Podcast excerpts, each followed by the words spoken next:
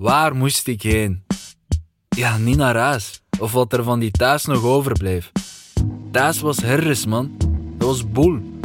Dat was dan toch één zekerheid die ik die dagen had. Twintig gemiste oproepen, dat werd al snel hele weekends weg van huis. Slapen op de bank bij een vriend, een kennis desnoods. Eén nacht, twee nachten, zo lang en zo laat mogelijk weg. Weg van wat er toch niet te veranderen valt. Papa, waarom denk je dat ik niet meer thuis durfde komen? Ja, omdat uh, jij zijn te veel weg. Omdat hij slechte kameraden, hè. En dus stonden we daar, een hoop 18-jarigen. Stoere blikken op het plein. De voetbal ontgroeit. Want aanmodderen met onszelf en niks. Aan het praten over wat we hadden kunnen zijn. Maar dromen zonder daden, dat is als durven zonder doen. Maar kijk, ja, niemand verwachtte iets van mij. Wat moest ik dan verwachten van mezelf?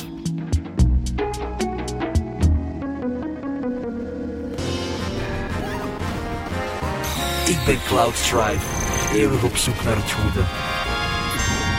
En het is mijn taak om Sephiroth te stoppen. In de buik van Bezeldolof, gesloten deur na gesloten deur. Maar het is doorzetting en kracht die zegevieren. Ah, shit man, game over. Maar ja, dan duwt je op restart en dan begint je gewoon opnieuw. In het echte leven is dat niet zo makkelijk. Het leven is geen Final Fantasy.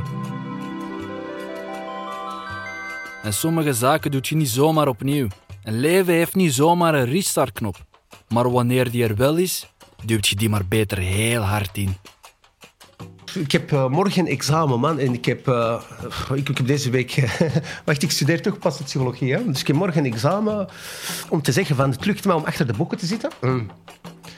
Maar uh, ik merk van ook gewoon omwille van mijn ervaringen... dat ik eigenlijk de leerstof vlot onder de knieën krijg. Ik hoef niet eigenlijk veel te doen qua studeren. Van oké, okay, het is ik, heb zo, ik zeg altijd voor de grap ook uh, tegen dingen. Zeg van, moet je nu niet studeren? Ik zeg, ja, maar psychologie, dat is gewoon, je moet gewoon goed kunnen uitleggen. Ik kan het heel goed uitleggen. Snap je? Nee, maar gewoon door ervaringen en ook door een gewoon aanzienlijke hoeveelheid die ik heb gelezen in de Mac, sta ik wel, denk ik, uh, ja, lukt dat mij wel. Dit is het verhaal van Youssef. Nu student toegepaste psychologie, maar voor altijd ex-gedetineerde. Wanneer het lot uw kaarten deelt, kunt je maar beter hopen op het beste. Want ik denk meer en meer, uw leven kiest je niet. Youssef koos zijn leven niet. Een leven anders dan het mijne, maar helaas niet zo uniek. Een leven van stilstand, zelfverdoving en geweld. Van gevangenis uit, gevangenis in. Een leven waarin kleine leugens soms groot uitdraaien. Waarin vooroordelen soms de waarheid inhalen. En waarin onbezonnenheid een voorbode is van een ongelijke strijd. Eén leven. Te groot voor één en dezelfde persoon. Een leven ervoor en een leven erna. Twee levens voor één.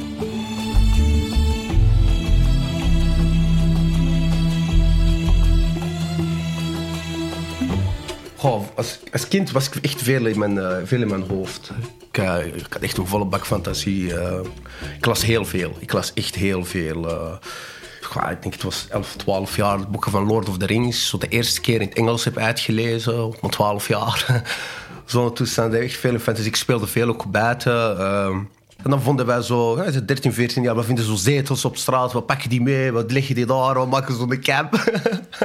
we gaan naar huis, we halen chips, drinken. We zitten daar door de zomer. Uh, gewoon plezier maken met jongens van de buurt. Voetballen daar uh, aan het basketpleintje. Ik weet dat nog, aan mij echt, echt, echt speciaal. We, hadden zo, we gingen stiekem gaan roken. Maar als onze broers dat zagen, die, die mogen dat niet zien. Dus we hadden echt een, we hadden echt een codenaam. Dus dan konden we van, kom, we gaan naar Maarten. Maarten was code voor, we gaan een sigaretje roken. En dan, en dan die, je weet, die dress van, wie is Maarten? Ah ja, dat is onze Belgische vriend. Je weet, voor hun is dat... Ah, oké, ah, oké, dat is goed, goed bezig, jongen. dan gaan we... Gaan we naar een ander pleintje, ergens uh, samen in Rivierenhof of zo. Elke met een sigaretje. Ja, gewoon ja, deugen niet, hè, jongens. Blijven, jongens. Of de trein pakken en we zien wel waar we belanden. Kortrijk, oké, we gaan naar Kortrijk. Oostende, we gaan naar Oostende. Holland, oké, we gaan naar Holland. We gaan naar Utrecht. Als we geen school hebben, wij zien waar we belanden. Dat maakte niet uit, zolang we samen waren. Wat thuis gezegd van, ik, ben, ik ga naar buiten, ik ga naar buiten. En uh, komt je wel later in de avond terug? Of uh, belt je en uh, zeg je van, ja, ik moet gaan werken. En, het was altijd wel mijn excuus. Ik ga niet thuis zeggen van, ja, ik heb dus de trein gepakt naar Kortrijk. Hè. Wat de fuck deed jij in Kortrijk? Snap je? Zo begint hè. Het was altijd wel mijn excuus. Was, ik was niet om, niet alleen ik dat we echt oprecht waren naar onze ouders toen, wat we doen, wat we deden, omdat die dat ook niet gaan begrijpen. Die, zijn, die komen van een hele andere manier van denken, een hele andere opvoeding. Die komen hier om je een betere toekomst te geven. En dat is het. Voor hun is dat ga spelen, jij speelt, go, of blijf thuis, jij eet, jij drinkt. Wat wilt je nog meer? Snap je? Maar nee, wij, uh, wij zien shit, wij willen shit. En uh, jij wilt gaan ontdekken, zeker als kind. Hè? Een gezin van zes. Drie broers en één zus die vroeg het nest verlaat. In een huis in Hartje Borgerhout. Binnen zit zijn vader, ziek. Zijn moeder met de kinderen. En met een constante financiële stress. Maar buiten? Buiten is er aan plezier geen gebrek. Maar dat plezier is buiten. En hoe zijt je als jonge gast? Je wilt naar buiten. Je wilt daar zijn. Een beetje geld verdienen. Om te gaan feesten. Je wilt je wilt doen zoals de rest. Maar daar moet Youssef als 15-jarige bij papa en mama niet voor komen aankloppen. Vanaf mijn 16 jaar zat ik praktisch elke weekend op hotel. Uh, of, of een van de club, maar meestal op hotel. Er waren veel in clubs. Uh, uiteindelijk plande jij wel een hotel, maakte je eigen feestjes. Uh, omdat... Ja, jij bent een kind, hè, vriend. Je bent 17 jaar. Waar anders? Snap jij me? Waar anders? Als, als, als, als, als, als, als ik dat thuis had gedaan, had mijn vader me van zijn geboorteakte geschrapt. Snap je? Ja, zot. Soms vergeet ik dat van normaal Ja, maar bij ons, dat is zo... Soms vergeet ik dat, maar nee, zot. Ik was mijn leven nu beu, echt, gast. Nee, jongen, nee, ja. Nee, en dan was dat nog echt nog met een excuus. Hè. Het is niet van dat ik tegen mijn pa ging zeggen van... Oh, ik ga uit, hè. Ik moet vandaag werken in de nacht. Studentenjob. Nee, maar echt, hè. Er is politie en daarboven is papa. Ja, ja vriend. Nee, nee, daar valt niet. Dat is een hiërarchie. Je hebt meer schrik daarvan. Tuurlijk dat. Als ik zo met mijn vrienden soms zit en wat praten, die zegt tegen me van weet jij nog, weet jij nog? En dan zeg ze van eigenlijk hebben we wel, voor tieners hebben we wel een goede tijd gehad. Maar dat is inderdaad, dat is niet gratis. Hè? Natuurlijk wil je een studentenjob. Ik ga mij. Ik weet zo een keer, ik ben zo, zo naar de stad geweest, naar zo'n restaurant en uh, er stond zo'n kelner gezocht. Toen was je 16 jaar. Ik stap naar binnen, ik stap naar binnen. Ik zeg, ja, eh, ik kom voor studentenjob. En die kijkt me zo aan. Die zegt van, ja, we hebben al een afwasser. Ik zeg, ja, maar nee, het staat toch kelner? Dan zegt hij maar van, ja, spreekt jij wel Nederlands? Ik ineens kwaad worden. Van, zit je dan Chinees te klappen nou, of? Snap je? Zoek werk als student. Dus dat lukte niet. En dan is dat, ja, dan loop je op straat rond, kom je mensen tegen, echt, echt mensen tegen, die zien nu, oh, dus Marokkaan die zal wel iets hebben, van, ja, kun jij iets regelen, geld komt tevoorschijn, oh, dan ken jij wel die of dat, en dan is dat gewoon tussenpersoon, en voor jij het weet verdient jij wel wat centjes, ja. Als tiener is dat veel als je zo in één keer 300, 400 euro hebt ik had eigenlijk geen zorgen als tiener van, van waar moet ik mijn geld halen. Omdat je, dat zo, je wordt zo opgegroeid van het geld komt, maakt niet uit op welke manier dat, dat komt. Dat komt gewoon werken, gaat je niet kunnen. Die kans gaat je niet krijgen. Je wordt uitgelachen. De vraag of je Nederlands spreekt, die geeft je alleen maar die kutste job van ja, afwasser. Of bij, het afwasser kun je niks doen. Achter de kassa gaan staan, oh nee, daar gaan we mee weglopen. Hè. Dat gaat ze zeker niet doen, hè. snap je? En dan, blijkbaar, kun je wel die centjes verdienen op een andere manier. En dat dat heel, blijkbaar kwam dat als ik het zo mag zeggen, heel natuurlijk. Ja. Alsof mensen spontaan ja, u daarvoor aannemen. Ja, Kun je daar meer over vertellen, alstublieft? Ja, kijk, je weet zelf, je bent opgegroeid in een buurt. Het is echt een concentratie aan mensen gewoon samen, in armoede. Dus er zijn al generaties die ouder dan u zijn, die al in criminaliteit zijn beland. Die hebben al heel dat proces doorgrond en die verdienen wel geld. Dus jij weet wel wie met wat bezig is. En als je dan als jongere, je stapt gewoon doorheen, letterlijk, je stapt gewoon doorheen een stad, je wandelt gewoon van de, van, van de Roosevelt tot aan de Kaya, kwam je sowieso iemand tegen die aan de kant hield en die vroeg of jij dit of dat kunt regelen. Gewoon weg om hoe jij eruit ziet. Simpel. En natuurlijk, als die geld tevoorschijn haalt... Dus eigenlijk, je wordt bijna door de vooroordelen die je krijgt, wordt je al bijna in een hoekje geduwd. Ja, ja, ja, ja. dat is zo'n stereotype dat gecreëerd wordt en automatisch ga je naar die stereotypen beginnen te gedragen. Omdat je denkt van, ja, oké, Dat is gewoon zo. Kun je mij eens vertellen wat er gebeurd is tussen eh, de Yusuf die op straat rondhangt met zijn broer Ja. en de Yusuf die plots voor de rechter staat? God, dat is Gewoon wel- heel die story. Dat is echt een lang verhaal. Hè. Kijk, ik was vroeger, ondanks dat je hosselt als tiener en al, hè, was ik relatief echt een hele brave jongen. Dus op school, ik denk ik het niet veel moeite moeten doen om te studeren. Ik had altijd wel goede punten. Ik was eigenlijk de zeut van de klas hè, vroeger. Hè. Vanaf het moment dat je tegen mij zei fantasyboeken, toen dacht ik van hier ik echt- iets ik was dit soort van, hey, weet je, vaak ik nog gewoon werd gepest als ik gewoon al begon van, hebben jullie Hercules gezien? Of Xena? Of dit of dat? En mij, jongen. Voor tijden wel mis ik wel die tijden. Gepest of geen gemes- gepest. Echt waar. Thuis eh, was ik ook eigenlijk braaf. Ik had een broer die eigenlijk van jongs af aan eh, in aanraking is gekomen met gerecht. Dus eh heeft heel zijn jeugd bijna in instellingen gezeten. Tijdens zijn meerderjarigheid ook nog zo in de gevangenissen. Nu nog steeds ook in de gevangenissen. Echt met een heel lange straf. Eigenlijk straf, wat ik eigenlijk, ik zou zeggen onterecht, maar alsof een moordenaar heeft, krijgt minder dan wat hij krijgt voor gewoon omwille het feit dat hij zo vaak binnen en buiten is gegaan. Waardoor ik eigenlijk ben opgegroeid van, eh, zoals ik, weet dat nog, zo van, je bent elf jaar, eh, opeens politie valt binnen thuis, eh, je wordt zo wakker gemaakt, onder schot gehouden, je kijkt naar rechts, je ziet je ouders vastgebonden, je moeder zit te huilen. Heel deze machtsvertoon om een gastje van 14 jaar te komen arresteren. Dus zo groeit je op. En dan gaat je naar school en dan vertelt je. En dan lijkt dat zo van: wow, kijk, ik heb dit meegemaakt. Luister erin. En dan hoort je van: ja, maar ik ook. En de andere, ja, vorig. Dat is gewoon normaal geworden. Dan ga je zo als kind: oké, dat is normaal. eh is automatisch. Je hebt zoiets van de politie. Dat is zo de. Dat, je, dat, is zo de, dat zijn de voorstanders van de blanke maatschappij, gaan we zeggen. Dus automatisch, die geven je een onveiligheidsgevoel. Snap je? Dat, dat gaat automatisch terug ook naar wie blank is. Van oké, jij moet daar voorzichtig voor mee zijn. Snap je? Jij groeit al op zo in een plek concentratie aan gewoon eh, ja, arbeidsmigranten. Dus praktisch, uh, noemen ze niet voor niks, Borgerokko in der tijd ook. Hè. Dus ja, uh, je moest voorzichtig zijn als je uit Borgerhout kwam. Dus zo zat ik al met dat gevoel van uit Borgerhout, je moet voorzichtig zijn. Je bent je defensief, zoals ik al van kleins af aan. Maar op zich, zoals ik al zei, op school rustig, braaf. Ik probeerde geen problemen op school te brengen. Waarom? Dat is zo'n directe link met je ouders. Uh, mijn familie, ja, ik was thuis ook gewoon heel braaf. En uh, ja, in mijn tienerjaren, dan, dan op straat begint je het wel wat uit te hangen. Maar ja, zo van, je hangt het ver weg van de buurt uit. Snap je? Mag ook niet naar thuis komen van, uh, ja, je zoon heeft dit of dat geflikt. Uh, ga geen goede dag niet krijgen. Niet voor onze stoep. Ja, nee, nee, nee, nee, niet voor onze stoep. Snap je?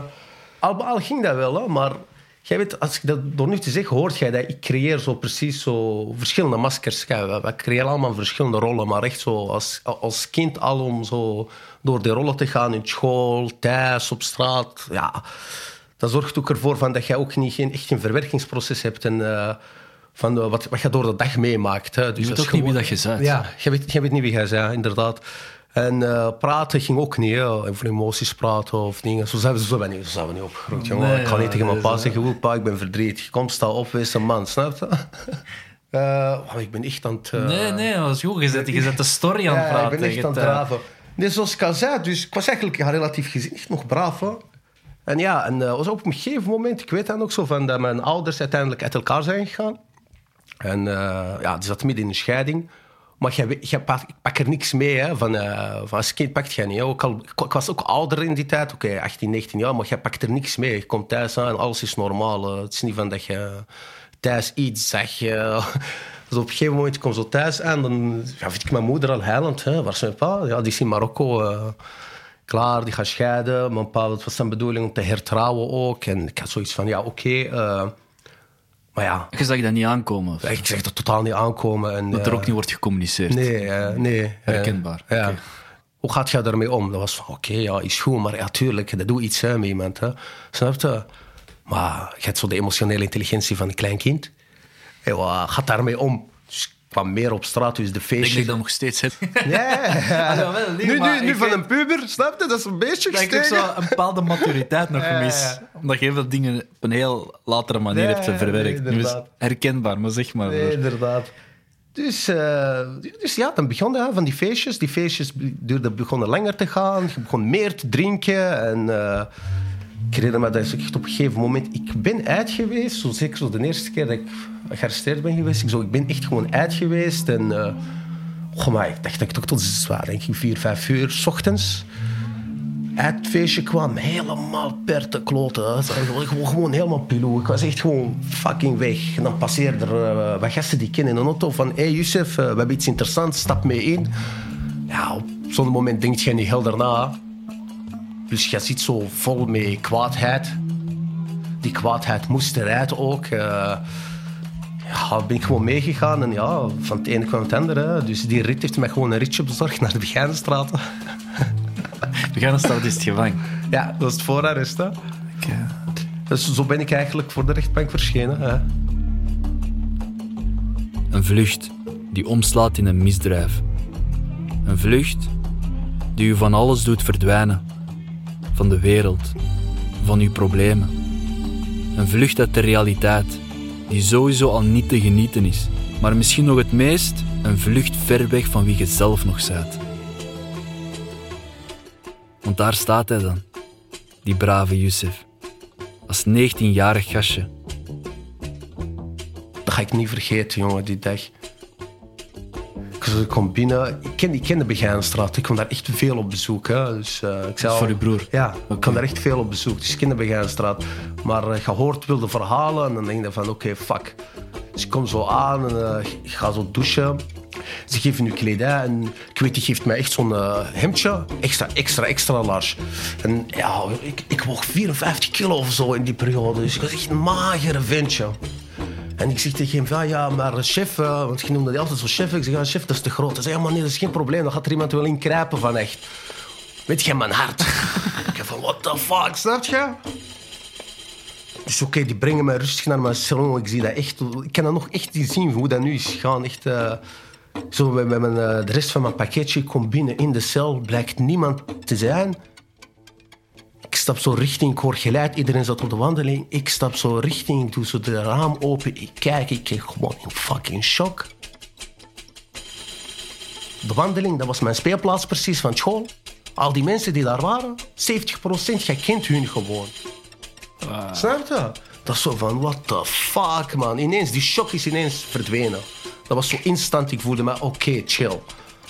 En dan roep ik, hé, hey, en dan sta je zegt goeiedag. Mensen die aan uw raam komen van, what the fuck doet jij hier? Want mensen die mij kenden hadden dat ook nooit verwacht om mij in de gevangenis te zien. Je bent gewoon terug in de buurt. Ja, ik kwam gewoon terug in de buurt. Letterlijk, ik zat gewoon op speelplaats. eh, op school, op de speelplaats. Letterlijk. Ja, dat, dat ging echt erover. Dat ging echt erover. Van die wandelingen was ik meer op mijn gemak. Hè. Dat is zo de eerste keer gevangenis. Ja. Maar voordat jij eh, effectief in de cel zat, wanneer werd je bewust van het feit van dat jij een keuze hebt gemaakt richting criminaliteit? Dat je echt weet van, oké, wat ik nu doe... Jij bent daar niet bewust van. Ik weet wat je wilt zeggen, maar je bent je daar niet bewust van. Dat was gewoon normaal. Dat was gewoon normaal. Dat beeld had je. Zo bent je opgegroeid. Zo ziet je iedereen. Dat is gewoon normaal. Jij doet wat je moet doen om geld te verdienen. Jij doet wat je moet doen om respect te krijgen. Snap je? En je gaat daarop in. En als je nog beter kunt, als je nog meer kunt, waarom niet? Gewoon doen. Laat zien. Dat was zo echt zo... Van ja, ik moet laten zien, je bent een man, je laat jou niet doen. En je gaat daar, je bouwt een imago op en je gaat daarop vooruit. En ja, tuurlijk, je geniet ervan. Ik kan niet zeggen van, je geniet ervan. Snap je? Het respect dat je krijgt. Je je zit in een gevangenis. Ik had de chance, ik moet ook daarover eerlijk zijn, ik had de chance, er werd altijd een hand boven mij gehouden. Maakt niet uit in welke gevangenis ik terecht kwam, ook uiteindelijk op transfer. Er werd altijd een hand boven mij gehouden. Ik werd altijd goed verzorgd door eh, de mensen in de wandeling. Gewoon omwille van de broer van. En daar bouwt je op. En als je dan ziet van je leert mensen kennen en je begint mee te gaan met hoe- wauw, hoe het gaat, het klimaat in de gevangenis. Je ziet, ja, smokkel, smokkel. Als, je, als je smokkelwaren hebt, jij bent te shit. Dus jij houdt je bezig met gsm's, met drugs, met dit, met dat. En je krijgt gewoon alles gedaan wat je gedaan wilt krijgen. Dat geeft je gewoon een gevoel van, fuck hun. Ik zit in de gevangenis, ik mag dit niet, ik mag dat niet. Ik kom binnen in mijn cel, ik vind een fles vodka. Pak. Dat mag niet. Je klopt gewoon dronken rond op de wandeling. Alles wat niet mag, elke regel dat je krijgt, wordt gewoon overtreden. Vanwege je fucking Ja, mentaliteit. vanuit die fucking mentaliteit van oké, zo doen. Hij wil gewoon koppig, echt pure koppigheid. Van, jullie pakken mij zo, dit heb ik niet verdiend. Dat gevoel had ik inderdaad. Eigenlijk was dat wel verdiend, snap je? Wat jij doet, wat, eh, dat is geen excuus. Dat is geen excuus. Dat was wel verdiend. Maar eh, ik was meer kwaad op mezelf. Van dat, dat ik dat heb gedaan. Dat ik mij heb laten vangen onder invloed. Want als ik niet onder invloed was, was dat niet gebeurd. En in plaats van die woede en die schuld te erkennen en te accepteren, kanaliseer ik die woede naar buiten toe, extern toe. En naar wie moet ik die kanaliseren? Natuurlijk naar degene die mij het meest onrespectvol heeft behandeld heel mijn leven lang. De blanke man. Snap je? Dat is ook gewoon zo. De blanke man, onrespectvol. Je stapt ergens binnen, zoals ik al zei, werk, je krijgt geen werk. Je gaat naar een club, dan is er van nee, vallen, maar kijk, je komt niet binnen. Totdat je aan een telefoontje moet plegen, een telefoon moet doorgeven, dan is dat van oei, dan praten ze anders. Dan is dat oké, okay, kom maar binnen, snap je? Dus jij leert zo van alleen angst zorgt ervoor dat je respect krijgt van dat soort volk. Zo groeit je op. Dus wie was mijn vijand? De blanke man. In de gevangenis, wie is de blanke man? Ja, dat zijn de cipiers. Dat is gewoon het systeem op zich. Dus ja, mijn woede wordt gewoon, ging gewoon naar hun toe. Al, ook al was het niet naar mij, voor mijn eigen gericht, het ging gewoon naar hun toe. Dat was de manier om ermee om te gaan. Toen je vast zat, broer, dacht je veel aan de buitenwereld toen? In de zin van, ah, die gaan door met hun leven, ah, die is daan toen, ah, die gaat trouwen. Uh, snapte? Ja, tuurlijk. Dat, kijk, de tijd zit stil. Hè. Zo, je hebt die gedachte, dat was veel reminiscing van, oh ja, nu zou ik daar hebben gezeten. Maar na een paar jaar, de tijd gaat door. Maar ik, die eerste, die eerste vier jaar dat ik heb gezeten, mij, wat was dat, jong? Dat, dat, ik uiteindelijk in een echte gevangenis ben beland. Want Begijnstraat is voorarrest, zoals in Merksplas. Je komt binnen, ik was precies niet in België, ik weet niet. Of in Marokko hadden ze betere bekken. ik kom binnen in een cel, dat was zo'n celblok. Uh, betaalden ze nog elke jaar betaalden ze een boete toen in de tijd voor de Mensenrechtencommissie. Geen sanitaire voorziening. Je hebt gewoon een kamer met een emmer en twee flessen water die elke middag worden bijgevuld. Daarmee moest jij het doen. Om drie uur, vier uur in de nacht vallen ze binnen op je celgenoot. Drie uur, vier uur in de nacht slagen ze die verrot. Gewoon verrot, omdat hij een grote mond heeft. Dus jij hebt al zoiets van, oh fuck man, waar ben ik? Dan begint je naar buiten te denken, maar ja, dan zit je ook ineens aan naar gebruik. Dat heeft mij ineens aangezet aan gebruik. Ik moest gewoon... Dus ik was eigenlijk zo vaak onder invloed dat het me niet interesseerde. Wat er buiten gebeurde, dat interesseerde mij totaal niet. Het enige wat me interesseerde is van, oké, ik moet overleven hier. En ik moet er het beste van maken. En ondanks al die Boom, al die acties die niet oké waren eigenlijk. Hè. Hoe, ze, hoe ze de gedetineerden behandelden in die tijd, dat was echt totaal niet oké. echt totaal niet oké. Ondanks dat, is dat raar om te zeggen, heb ik dankzij mijn gebruik een heel goede tijd gehad.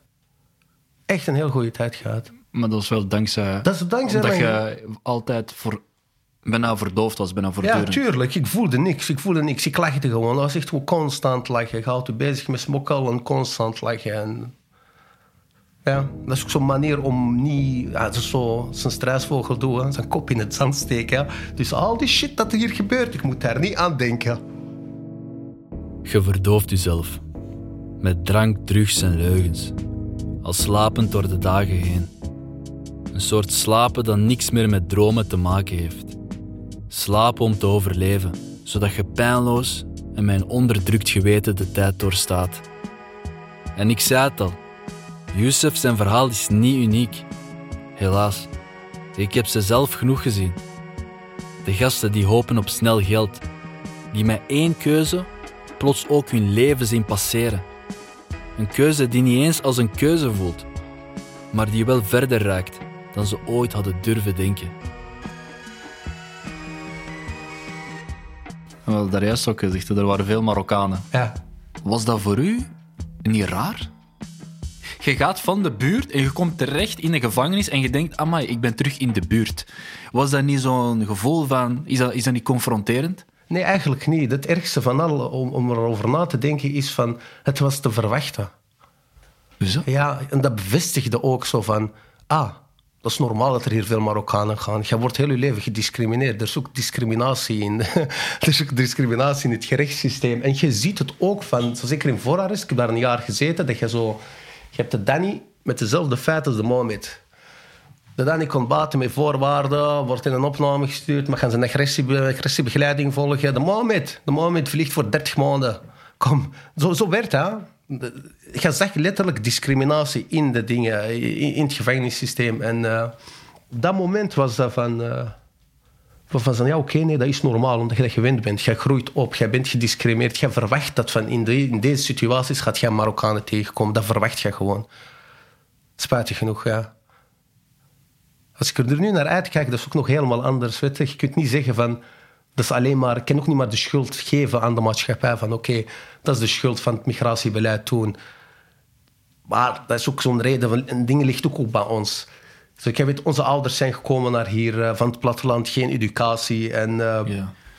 Hoe kijken uw ouders naar uw gevangenisperiode? zo die, die eerste keer, mijn, mijn pa kwam eigenlijk praktisch nooit op bezoek. Mijn moeder kwam wel. Mijn moeder kwam wel. Het ding was, mijn moeder had natuurlijk genoeg van. En zeker wanneer ze kwam en ze me telkens in strikt vond. eh, dus meestal achter glasbezoek. Omdat ik een of andere sanctie heb genomen. Dat is gewoon fucked up. Zo. Moeder komt naar u, er is glas, die staat daar, die begint te huilen. Er is fucking glas. Ja, snap je? is fucking glas. Dat is, dat, is, dat is wat mij, mij het meeste pijn doet als ik mijn tuurlijk, moeder eh, zie huilen. Tuurlijk, Dat is voor mij altijd zo... Tuurlijk. diepste raakt je, zegt, je komt naar buiten, je komt uit, je wilt je hart opeten. Dat is zo van, fucked up man, wat heb ik gedaan? En automatisch, jij doet nog meer met wat je bezig bent, dus terug, terug in het gebruik. Dus dat was geen fijne beleving voor mijn ouders. Zeker in die periode, haar- we waren met drie dus, ik heb nog een jongere broer. Zaten we met alle drie in de gevangenis, alle drie een lange Alle drie tegelijk. ja, alle drie een lange straf. Er, er scheelde niet zoveel ha, dingen, ruimte tussen. Zo, ik ben binnengegaan, een maand later mijn jongere broer. Twee maanden later mijn oude broer. En ineens ook allemaal lange straffen. Ja, dat is lastig, ja. En dan mijn moeder ook in die periode van... Ja, mijn pa was weg. Stond, er, stond er alleen voor. hè. Mijn zus, mijn zus is getrouwd, die had haar eigen gezinnetje. Dus dat was helemaal anders. Hè. Mijn zus was er de enige voor mijn moeder. Hè. En haar drie zoons zijn in de bak. Ja, ja, ja. Dat is fucked up, man. hè. Dat is echt fucked up, ja. Wauw, ik kan eerlijk gezegd, ik kan me niet voorstellen. Dat is zo- zo'n ding waarom ik gewoon ook meer ook in... Jij kunt er niet om weg met zo'n ding. deed dat mee? Ah, fucked up, vriend. Ik daarmee dat ik gewoon echt veel in mijn gebruik zat. eh,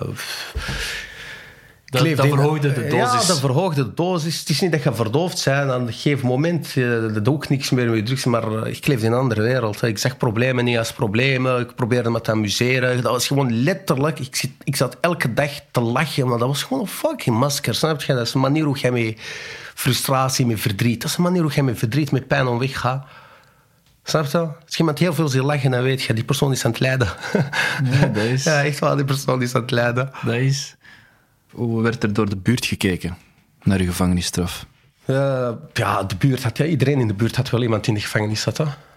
Ja, voor de ene is dat van oké, je hebt in de bak gezeten, grave gast, gangster, dit, dat. En ik zat veel tussen die mensen in die periode ook. Maar eh, uiteindelijk ben ik nu wel tot besef, ja, uiteindelijk wel een jaar later tot besef gekomen dat eigenlijk van met de familie, als je, de buurt, dat is je familie die lacht, daar wordt er niet mee gelachen, weet je. Dat je hebt gefaald gewoon. Je hebt gefaald. Ik heb dat zelf gezien, ook met mijn broer. Mijn ouders hadden die opgegeven. Je hebt gefaald. Je bent in de gevangenis gegaan. Je hebt gefaald. Dat is ook een andere generatie. Die zijn gekomen naar hier. Maar degenen die met u hier opgegroeid zijn, die zelfs de dingen, vooroordelen met u hebben meegemaakt, met diezelfde intijdscrisis zitten, voor hun was je gewoon, ja, jij was het verzet. Jij was letterlijk, jij verzet, jij bent een vrijheidsstrijder. Dat De is wat ene was. falen, veranderen, Ja. verzet. Een soort eigenlijk van Ja, succes. je? Ja. Dat was eigenlijk een succes. Je komt op straat, je krijgt gewoon nog meer respect. Gewoon omwille het feit dat je in een bak hebt gezeten.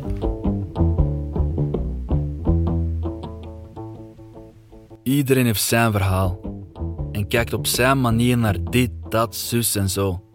Mensen praten graag. En wanneer mensen praten, weet je, je leeft soms woorden achterna. Maar wat anderen zeggen, dat maakt eigenlijk maar weinig uit. Uw verhaal, dat start pas wanneer je zelf de hoofdstukken naar je eigen hand begint te zetten. En Youssef, Youssef moet hier eerst zelf nog tot inzicht komen. Een inzicht dat hem een heel nieuw leven geven kan. Een leven opnieuw achter de boeken. Een leven met een job. En soms krijgt je hulp uit een onverwachte hoek. Steekt het lot u ineens wel een goede kaart toe. Eén maar misschien. Maar wel één waardoor je plots mee kunt gaan spelen. Yusuf zit nu nog in de gevangenis. Kwaad. Misschien op zichzelf, maar vooral op het systeem. En nadat hij het in de gevangenis van Merksplas de bond maakt, wordt zijn groep uit elkaar gehaald. En komt hij in een gevangenis in Tilburg terecht. Een plek met andere cipiers en heel andere methodes. Moest gewoon uit elkaar gehaald worden. En ik had, ik had de lok, ik had een goede losje getrokken met Nederland. En eh, dat heeft ervoor gezorgd in Tilburg, ja, alleen op cel. Ik stond er onder observatie ook, dat ik ook gewoon alles uit mijn systeem heb gehaald. En op het moment dat je echt alles uit je systeem haalt, begint je ook na te denken over van wat de fuck ben ik bezig? Wat doe ik? En ook eh, in gesprekken met die cipiers in Nederland, die cipiers hebben zo, oh, dat is echt een andere wereld, hebben ze allemaal echt zo psychosociale, echt van een soort van psychologische studie gehad. Hè? En, die zijn erop getraind. Dus die komen binnen, die praten met u, die, die fokken jou niet meer op. Hè. Verschil met België. Hier, hier, hier word je opgefokt. Hier word je uitgescholden voor het zwart van straat. Om in die periode uh, nog meer racisme. In Nederland is dat totaal iets anders. Die proberen jou echt voor te bereiden op je vrijlating. Dus daar begon ik wel echt te reflecteren van wat doe ik, hoe moet ik dat aanpakken. Ik weet ze hebben me aangemoedigd om zo'n cursus slam te volgen. Uh, ik heb dat uiteindelijk toch gedaan. Dat heeft me echt veel geholpen om uh, heel veel uh, uit te schrijven. Heel veel wat ik voelde uit te schrijven. Dus ik had echt wel zo'n donkere teksten, snap je? Al die pijn is gewoon uitgeschreven geweest. Dat ik zo tegen het einde van mijn vrijlating, dat ik echt zoiets had van... oké, ik ben er klaar voor. Ik had echt zo het gevoel van, ik ben er klaar voor, dat gaat me niet meer gebeuren. En dat was echt wel gewoon een effectieve periode vanaf het moment. Ja. Geen drugs, ja. geen verdovende middelen. Ja. En dan word je wakker in je hoofd. En dan komt die besef. Je komt terug vrij? Ja. Welk gevoel overheerst er? Ah, euforisch, vriend. echt waar. Wil je echt vrijheid voelen, dan moet je e- e- de bak in vliegen. Zo'n graaf gevoel. Dus ik ja, ik buiten kwam, echt, mijn moeder was ook echt fucking blij om me te zien. Dat ik iets zo had van, oké, deze keer gaan we dat goed doen. Dus ik ben ook ineens uh, op mijn eigen voeten gaan staan. Dus uh, binnen de week had ik eigenlijk een appartement achter de hoek bij mijn ma. En uh, het was de bedoeling om, ja, om ervoor te gaan deze keer. Ja, toen echt het gevoel, ik moet ja, het nu goed aanpakken. ik moet het nu goed aanpakken, inderdaad.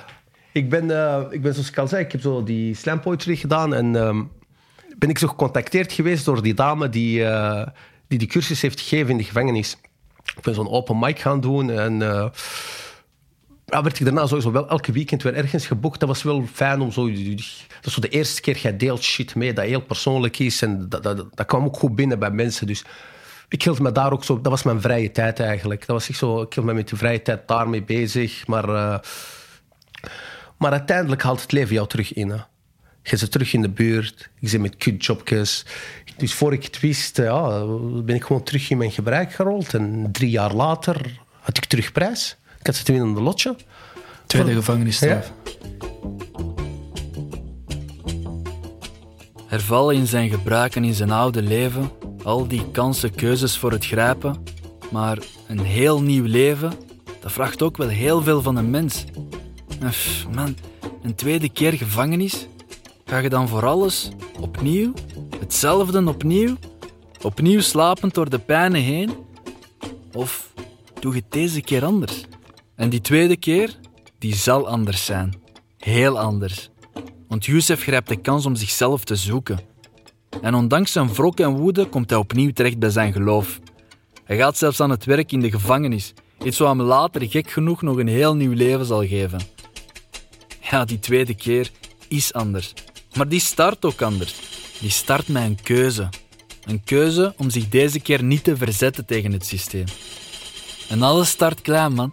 Maar je weet, dat klein steentje verandert uiteindelijk ook de stroom van de rivier.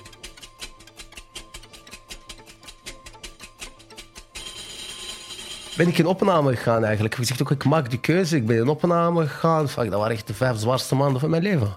Wow. Ja, je komt er eigen daar echt tegen. Snap je? Je moest echt werken. Het ding is van... Ik ben naar, uh, ik ben naar, Arabische, naar Koranschool, eigenlijk moskee geweest tot mijn 15 jaar. Maar dat is echt letterlijk gewoon lezen, de Koran lezen. Niet, echt zo'n uitleg gekregen. En we hebben, zo de, we hebben ons geloof zo met de paplepel gekregen. Zo, je groeit op, dat, het is er. Maar om te zeggen van... Ik voelde het, door alles wat ik deed voelde ik er geen... Je kunt zeggen van, ja, ik, ik uh, identificeer me als moslim, maar dat is gewoon om een leegte op te vullen. Snap je? Oh, er zijn allemaal moslims, je ouders zijn moslims, die zijn moslims, geen geïdentificeerd als moslim. Maar ja, nee, ik was geen moslim. Het is nog in het hart Ja, het was, dat was er nog niet in. Maar in die periode, in de opname, begon ik me echt wel te verdiepen in mijn geloof. En uh, dat heeft er echt ervoor gezorgd dat ik echt veel shit heb geaccepteerd. Dat ik veel heb losgelaten. Dat ik echt, echt, veel, veel, echt veel vertrouwen heb gekregen, ook in de toekomst. En begon ik ook met veel te lezen in uh, hoe ik me zo gedragen. Begon ik veel psychologische boeken te lezen. Ook veel terug over het geloof. Ik was echt heel veel aan het lezen. En eh, ook veel wat ik las, begon ik ook gewoon toe te passen. En sprak ik dat ook met de jongens daar op de wandeling. Dus dat was, we waren echt gewoon gefocust op zelfgroei, gefocust op verbetering. Die, daar ben ik ook, heb ik ook zo geleerd om... Ik, kon, ik kan echt lullen, ik ga dat voor zeggen. Als ik moet praten, ik kan echt fucking lullen. Maar daar heb ik echt geleerd om echt straight to the point te zijn. Snap je? Nu ben ik gewoon van, oké, zo, zo en zo gedaan. eh, just be real. Dus ja, dat was een hele andere, een hele andere periode, eerlijk gezegd. Tweede vrijlating. Wat nu? Tweede vrijlating was anders. Dus ik ben ineens in opname gegaan. En eh, die mensen van opname kenden me ook al. eh, eh, fijne mensen, eerlijk gezegd. dus ik kom, ik kom gelijk binnen. En, ja, maar ja, ik kom gelijk binnen en die, die kenden mij. Want ik heb, al vijf, ik heb al vijf maanden daar gezeten. Ook al was het al meer dan twee jaar. die kenden mij nog. Die, die waren heel... wel, die hebben mij echt, op, echt heel open ontvangen. En dat, dat heeft mij wel iets gedaan. Zo, van, zo, zo duidelijk van... ik had goede band met die mensen. Dus die zagen ook aan mij van... Ja, Youssef, ik heb met volle trots... Ja, klaar, ik al zo lang clean. eh, Ik doe het goed, ta, ta. Maar, die zagen al aan mijn manier en mijn houding van... Ja, Youssef, maar er zit nog steeds veel detentie in jou. Snap je? ja, de manier hoe ik spreek, de manier hoe ik doe... Het ding is, er wordt veel, omdat jij uit gevangenen komt, die kenden me ook, ik uit de gevangenis. Er is veel, inderdaad, er is veel detentie in mij. Maar er is ook gewoon een bepaalde manier van hoe wij spreken, wordt automatisch als een beetje te gezien. En ik merkte daar ook doorheen in de opname van, oké, ah nee, dat is nog imago, luidruchtig of ah, je reageert op een te agressieve manier. ah. Dus ja, dat was, dat was voor mij een tweede kans. Hè. Klaar, ik had, ik had al mijn plannen. Ik was bijgekomen mijn plan. Ook, ik ga werken aan mijn verslaving. Twee, terug appartement zoeken. Eigenlijk drie was appartement, twee was appartement zoeken weg van Antwerpen. Dat was de plan. Gewoon weg van Antwerpen. Omgeving volledig veranderen. En drie gaan werken. Door mijn opname, zo, na zes maanden, zo, een begeleider die zo met mij in contact was in de gevangenis, had mij zo ineens opgeroepen en eh bleek zo een mail te krijgen, gekregen hebben met zo'n bijlage vanuit de gevangenis. Ik had zo in der tijd zo aan een directie van het opleidingscentrum gewoon gevraagd, omdat ik zo.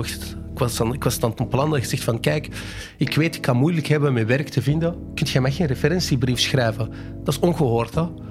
Dus die had ook al iets van, hè, wat de fuck zegt deze gast tegen mij? Snap je? En wel, na zes maanden aan mijn vrijdag was ik echt blij. Ineens had ik die gewoon in bijlage, had ik gewoon die brief van directie van hoe ik ben, hoe ik functioneerde in een werkplaats. Dus dat was echt gewoon fijn om te hebben. Dat heeft me ook zo'n motivatie gegeven van ja, oké. eh, Ja, dat is een gevoel van iemand gelooft in u ja, en iemand steunt u. Ja, tuurlijk. Iemand, iemand van het systeem. Ja, het, voilà, tuurlijk. En dan krijg je nog die begeleiders die ernaar kijken en die zeggen, what the fuck. Die zeggen van, dit hebben... Dat ziet jij niet, dat is ongehoord. Eh, Ik denk dat ze dat echt moeten beginnen opvoeren. Dat zal de mensen echt veel helpen om, om gewoon te kunnen aantonen tegen een derde van, oké, je komt uit de gevangenis, maar je gedrag was goed. Snap je mij? Kleine erkenning kan een grote impact hebben. Voilà, voilà, inderdaad. Dat is echt. Ja, uiteindelijk ben ik eh, wacht, mijn opname afgemaakt en ben ik gaan solliciteren. En het was eerst terug richting magazijn en dingen. En dat ik zo die vriend van mij tap eh, zegt van... Nee, gast, eh, jij bent een intelligente mens. Jij moet niet in een magazijn gaan zitten. Ze van, maar ga tussen mensen zitten. Jij werkt graag met mensen. Ik zeg van, ja, ik wil graag in begeleiding zitten. Alles solliciteert. En ik van, ja, nee, kijk, kom met de baak. We gaan niet... Heeft me toch wel wat gemotiveerd, waardoor ik uiteindelijk heb gesolliciteerd voor de functie die ik nu heb. Eh, dus ik werk als begeleider in een nachtopvangcenter. Je hebt mensen die uit de gevangenis komen. Je hebt mensen die in schulden zitten en zo in een uur niet meer konden betalen. Mensen met hun pand, ja, pand ineens onbewoonbaar verklaard. Dus je ontvangt die mensen. Je zorgt dat ze een goede nachtrust hebben. Je praat met hun. Eh, Op zich staat je daar als begeleider, maar eh, ik krijg niet betaald voor wat ik allemaal daar moet doen. Ik en al mijn collega's, eerlijk gezegd. Mis je dan niet het oude Ja. leven? Als ik, dat, als ik dat nu zo hoor, mis je dan niet het oude Nee, leven? Want dat man. lijkt zo precies veel saaier. Nee, man, to- dat is totaal niet saai, vriend. Dat is echt totaal niet saai. Jij bent niet geen begeleider, zoals ik al zei. Wij zijn, wij zijn begeleider, verpleger, psycholoog, eh, veiliger, ambulancier. We zijn alles in één. Dat snap je? Als we- Maar is gewoon geen betaald krijgen naar wat, ik, eh, naar wat we daar doen, zou dat echt goed zitten, denk ik. Het ding is, ik wil echt niet terug. Ik, eh, het ding is van... dat versterkt mij eigenlijk. Als ik mensen tegenkom die ik van mijn jeugd ken, die daar ineens staan. Dat ik zoiets heb van, fuck man, ik, dat doet pijn om mensen zo te zien. Dat doet echt fucking pijn om mensen zo te zien. Hè. Snap je? Dat gunt je niemand. Hè? Zeker iemand die heel dicht bij je is geweest, dat gunt je gewoon niet. Maar dan, dat is elke keer een reminder van mij van, dat kon ik ook zijn. Dat kon ik ook gewoon zijn. Nee, om te zeggen van, ja, die omgeving, het is niet van dat je gelukkig uit die omgeving komt. hè. Oké, ik, heb, ik heb momenten dat ik van mijn werk kom, dat ik met een glimlach, dat ik me oprecht goed voel. Gewoon omdat ik weet van, ik heb iets betekend. Maar om te zeggen van dat dat je gelukkig maakt, dat is totaal iets anders. Ik zie mensen... Ja, wat mij gelukkig gemaakt is als ik iemand zie die, die daar bovenop komt. Die daar tot besef komt in iets. Die, daar, die geactiveerd wordt. Die goed nieuws ontvangt. Dat maakt mij blij. Maar om die mensen zien te binnen te komen in die neerwaartse spiraal van wanhoop daar zitten, die alles lijkt uitzichtloos en, en het wordt van, zitten daar na maand, na twee maanden, hun situatie wordt gewoon erger. Ah, dat brengt geen geluk met zich mee, ze vriend, echt waar. Je hebt zoveel mensen ook van Marokkaanse, eh, met een Marokkaanse achtergrond, als die u zien, dat zo instant zo van, die voelen zich ondanks de shit waar ze zitten, voelen ze zich op hun gemak.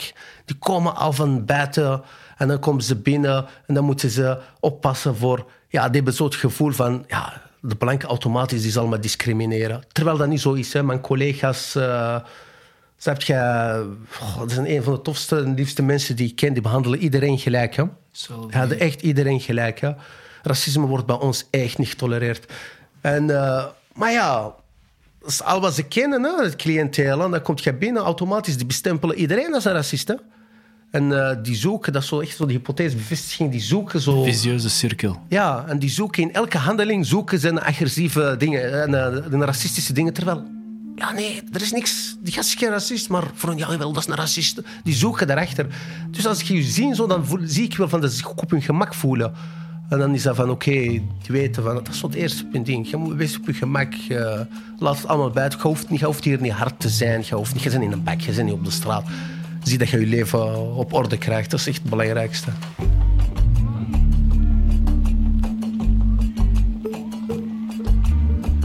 Ik ken Youssef nog maar net, maar ik zit hier met trots. In zijn living. In zijn nieuw leven. Met centraal een boekenkast. Dus je- Las je vroeger zo'n boeken? Ik las vroeger veel fantasy. Oké. Ik heb, ik heb vroeger echt veel fantasy gelezen. Echt van jongs af aan. Zo. Af aan, ik echt veel aan het lezen. Ja. Maar dat is niet allemaal fantasy, hè? Dus ik Nee, zie nee, heel veel psychologie, beneden. ik zie ook heel veel eh, filosofie. Ja, ik vraag hoe dat, dat komt. Eh, ja, dat helpt je vooruit. Hè. Plus, ik ben altijd geïnteresseerd geweest. maar Ik heb dat geleerd zo in de mens, hoe die zich gedraagt, hoe die zich doet. En ook zo voor eigen zelfinzicht, hoe de wereld in elkaar zit. En dat is mijn plicht om kennis te vergaren. Dus ik kan niet moeilijk, eh, ik kan niet alleen maar in de wolken blijven met fantasie, snap je? Ik heb af en toe een reality check nodig. En dat lezen, dat doet Youssef uiteindelijk studeren. Toegepaste psychologie. Studies die hij meteen ook in de praktijk zet. Als begeleider in de nachtopvang. Waar hij thuisloos een plek, maar zeker ook zijn hulp aanbiedt. Een zoveelste leven, maar één dat hij nooit had gehad, zonder die levens ervoor. Wie zijn uw voorbeelden op dit moment? Mijn voorbeeld op deze moment. Ja. Eh, ja, een van mijn voorbeelden dat is mijn neef eigenlijk, de zoon van mijn zus. Oké. Zoon van mijn zus, hij is nu een dokter, een kinderarts eigenlijk. eh, en eh, is nu met zijn specialisatie ook daar bezig. Oké, die heeft niet in de criminaliteit gezeten, die heeft niet in de gevangenis gezeten, maar zijn leefomstandigheden waren ook verre van ideaal. En het ding is van... Weet je, mijn, eh, ik heb echt respect voor die gast. Hè. Mijn, eh, die gast is niet opgegroeid met eh, Mustafa en de Mohamed. Die gast is zijn beste vrienden. Dat is de Thomas, de Baart, snap je? En Dave. De Riek. Ja. Die gast, eerlijk gezegd, heeft aan de frontline gezeten van vooroordelen. Dus als er iets is, als ik, als ik gewoon qua in mijn werk of in een andere professionele context of op school het gevoel heb van oké, er klopt hier iets niet, kan ik dat met hem bespreken. Want tot de dag van vandaag hij heeft er ook last van. Hij ondervindt er ook last van. Dat is zo'n voorbeeld van ondanks alles, ondanks de mensen die niet in hem geloven, die denken dat hij het niet kunt, blijft hij maar, hij blijft maar bewijzen, maar bewijzen. Hij blijft maar laten zien van hij kan het en, hij- en altijd, hij doet er altijd een stapje, moet ik dat, een Hij zetje laat zich extra. niet wegspelen. Ja, hij laat zich niet wegspelen. Heb je het gevoel dat, moest het anders gelopen zijn, dat je een leven zoals je neef gaat zou kunnen? Ja, eh, nee, zoals mijn leef. Eh, ja. Weet je, we, we, we praten er soms over. Hij zegt dat soms tegen mij. Hij zegt van mij, kijk, als wij het hadden, zoals de gewone, als we zijn, opge zijn opgegroeid, zoals, zoals laten we alle kansen hebben gekregen, zoals de Thomas of de Bart hebben gekregen. Zo, maar ik zou geen dokter zijn geweest, ik zou meer zijn geweest. Zo, maar jij zou ook nog meer zijn geweest. We praten erover. Als, we die, als, we, als onze integratie op een juiste manier was gegaan, ze waren, waren geaccepteerd, maar dat is altijd wat als, wat als, wat als. Snap je? Tuurlijk dat zouden we, zou ik verder hebben gestaan. Maar natuurlijk zou ik verder hebben gestaan. En ik niet alleen, zo. Wij zijn getalenteerde volk, vriend. Snap je? Tuurlijk zouden we ver hebben gestaan. Hè? Oh, shit, man. Doe me er niet aan denken, echt waar. Als ik er soms aan denk, denk ik, wat, wat zouden wij niet hebben gedaan? Wat zouden wij niet hebben gehaald?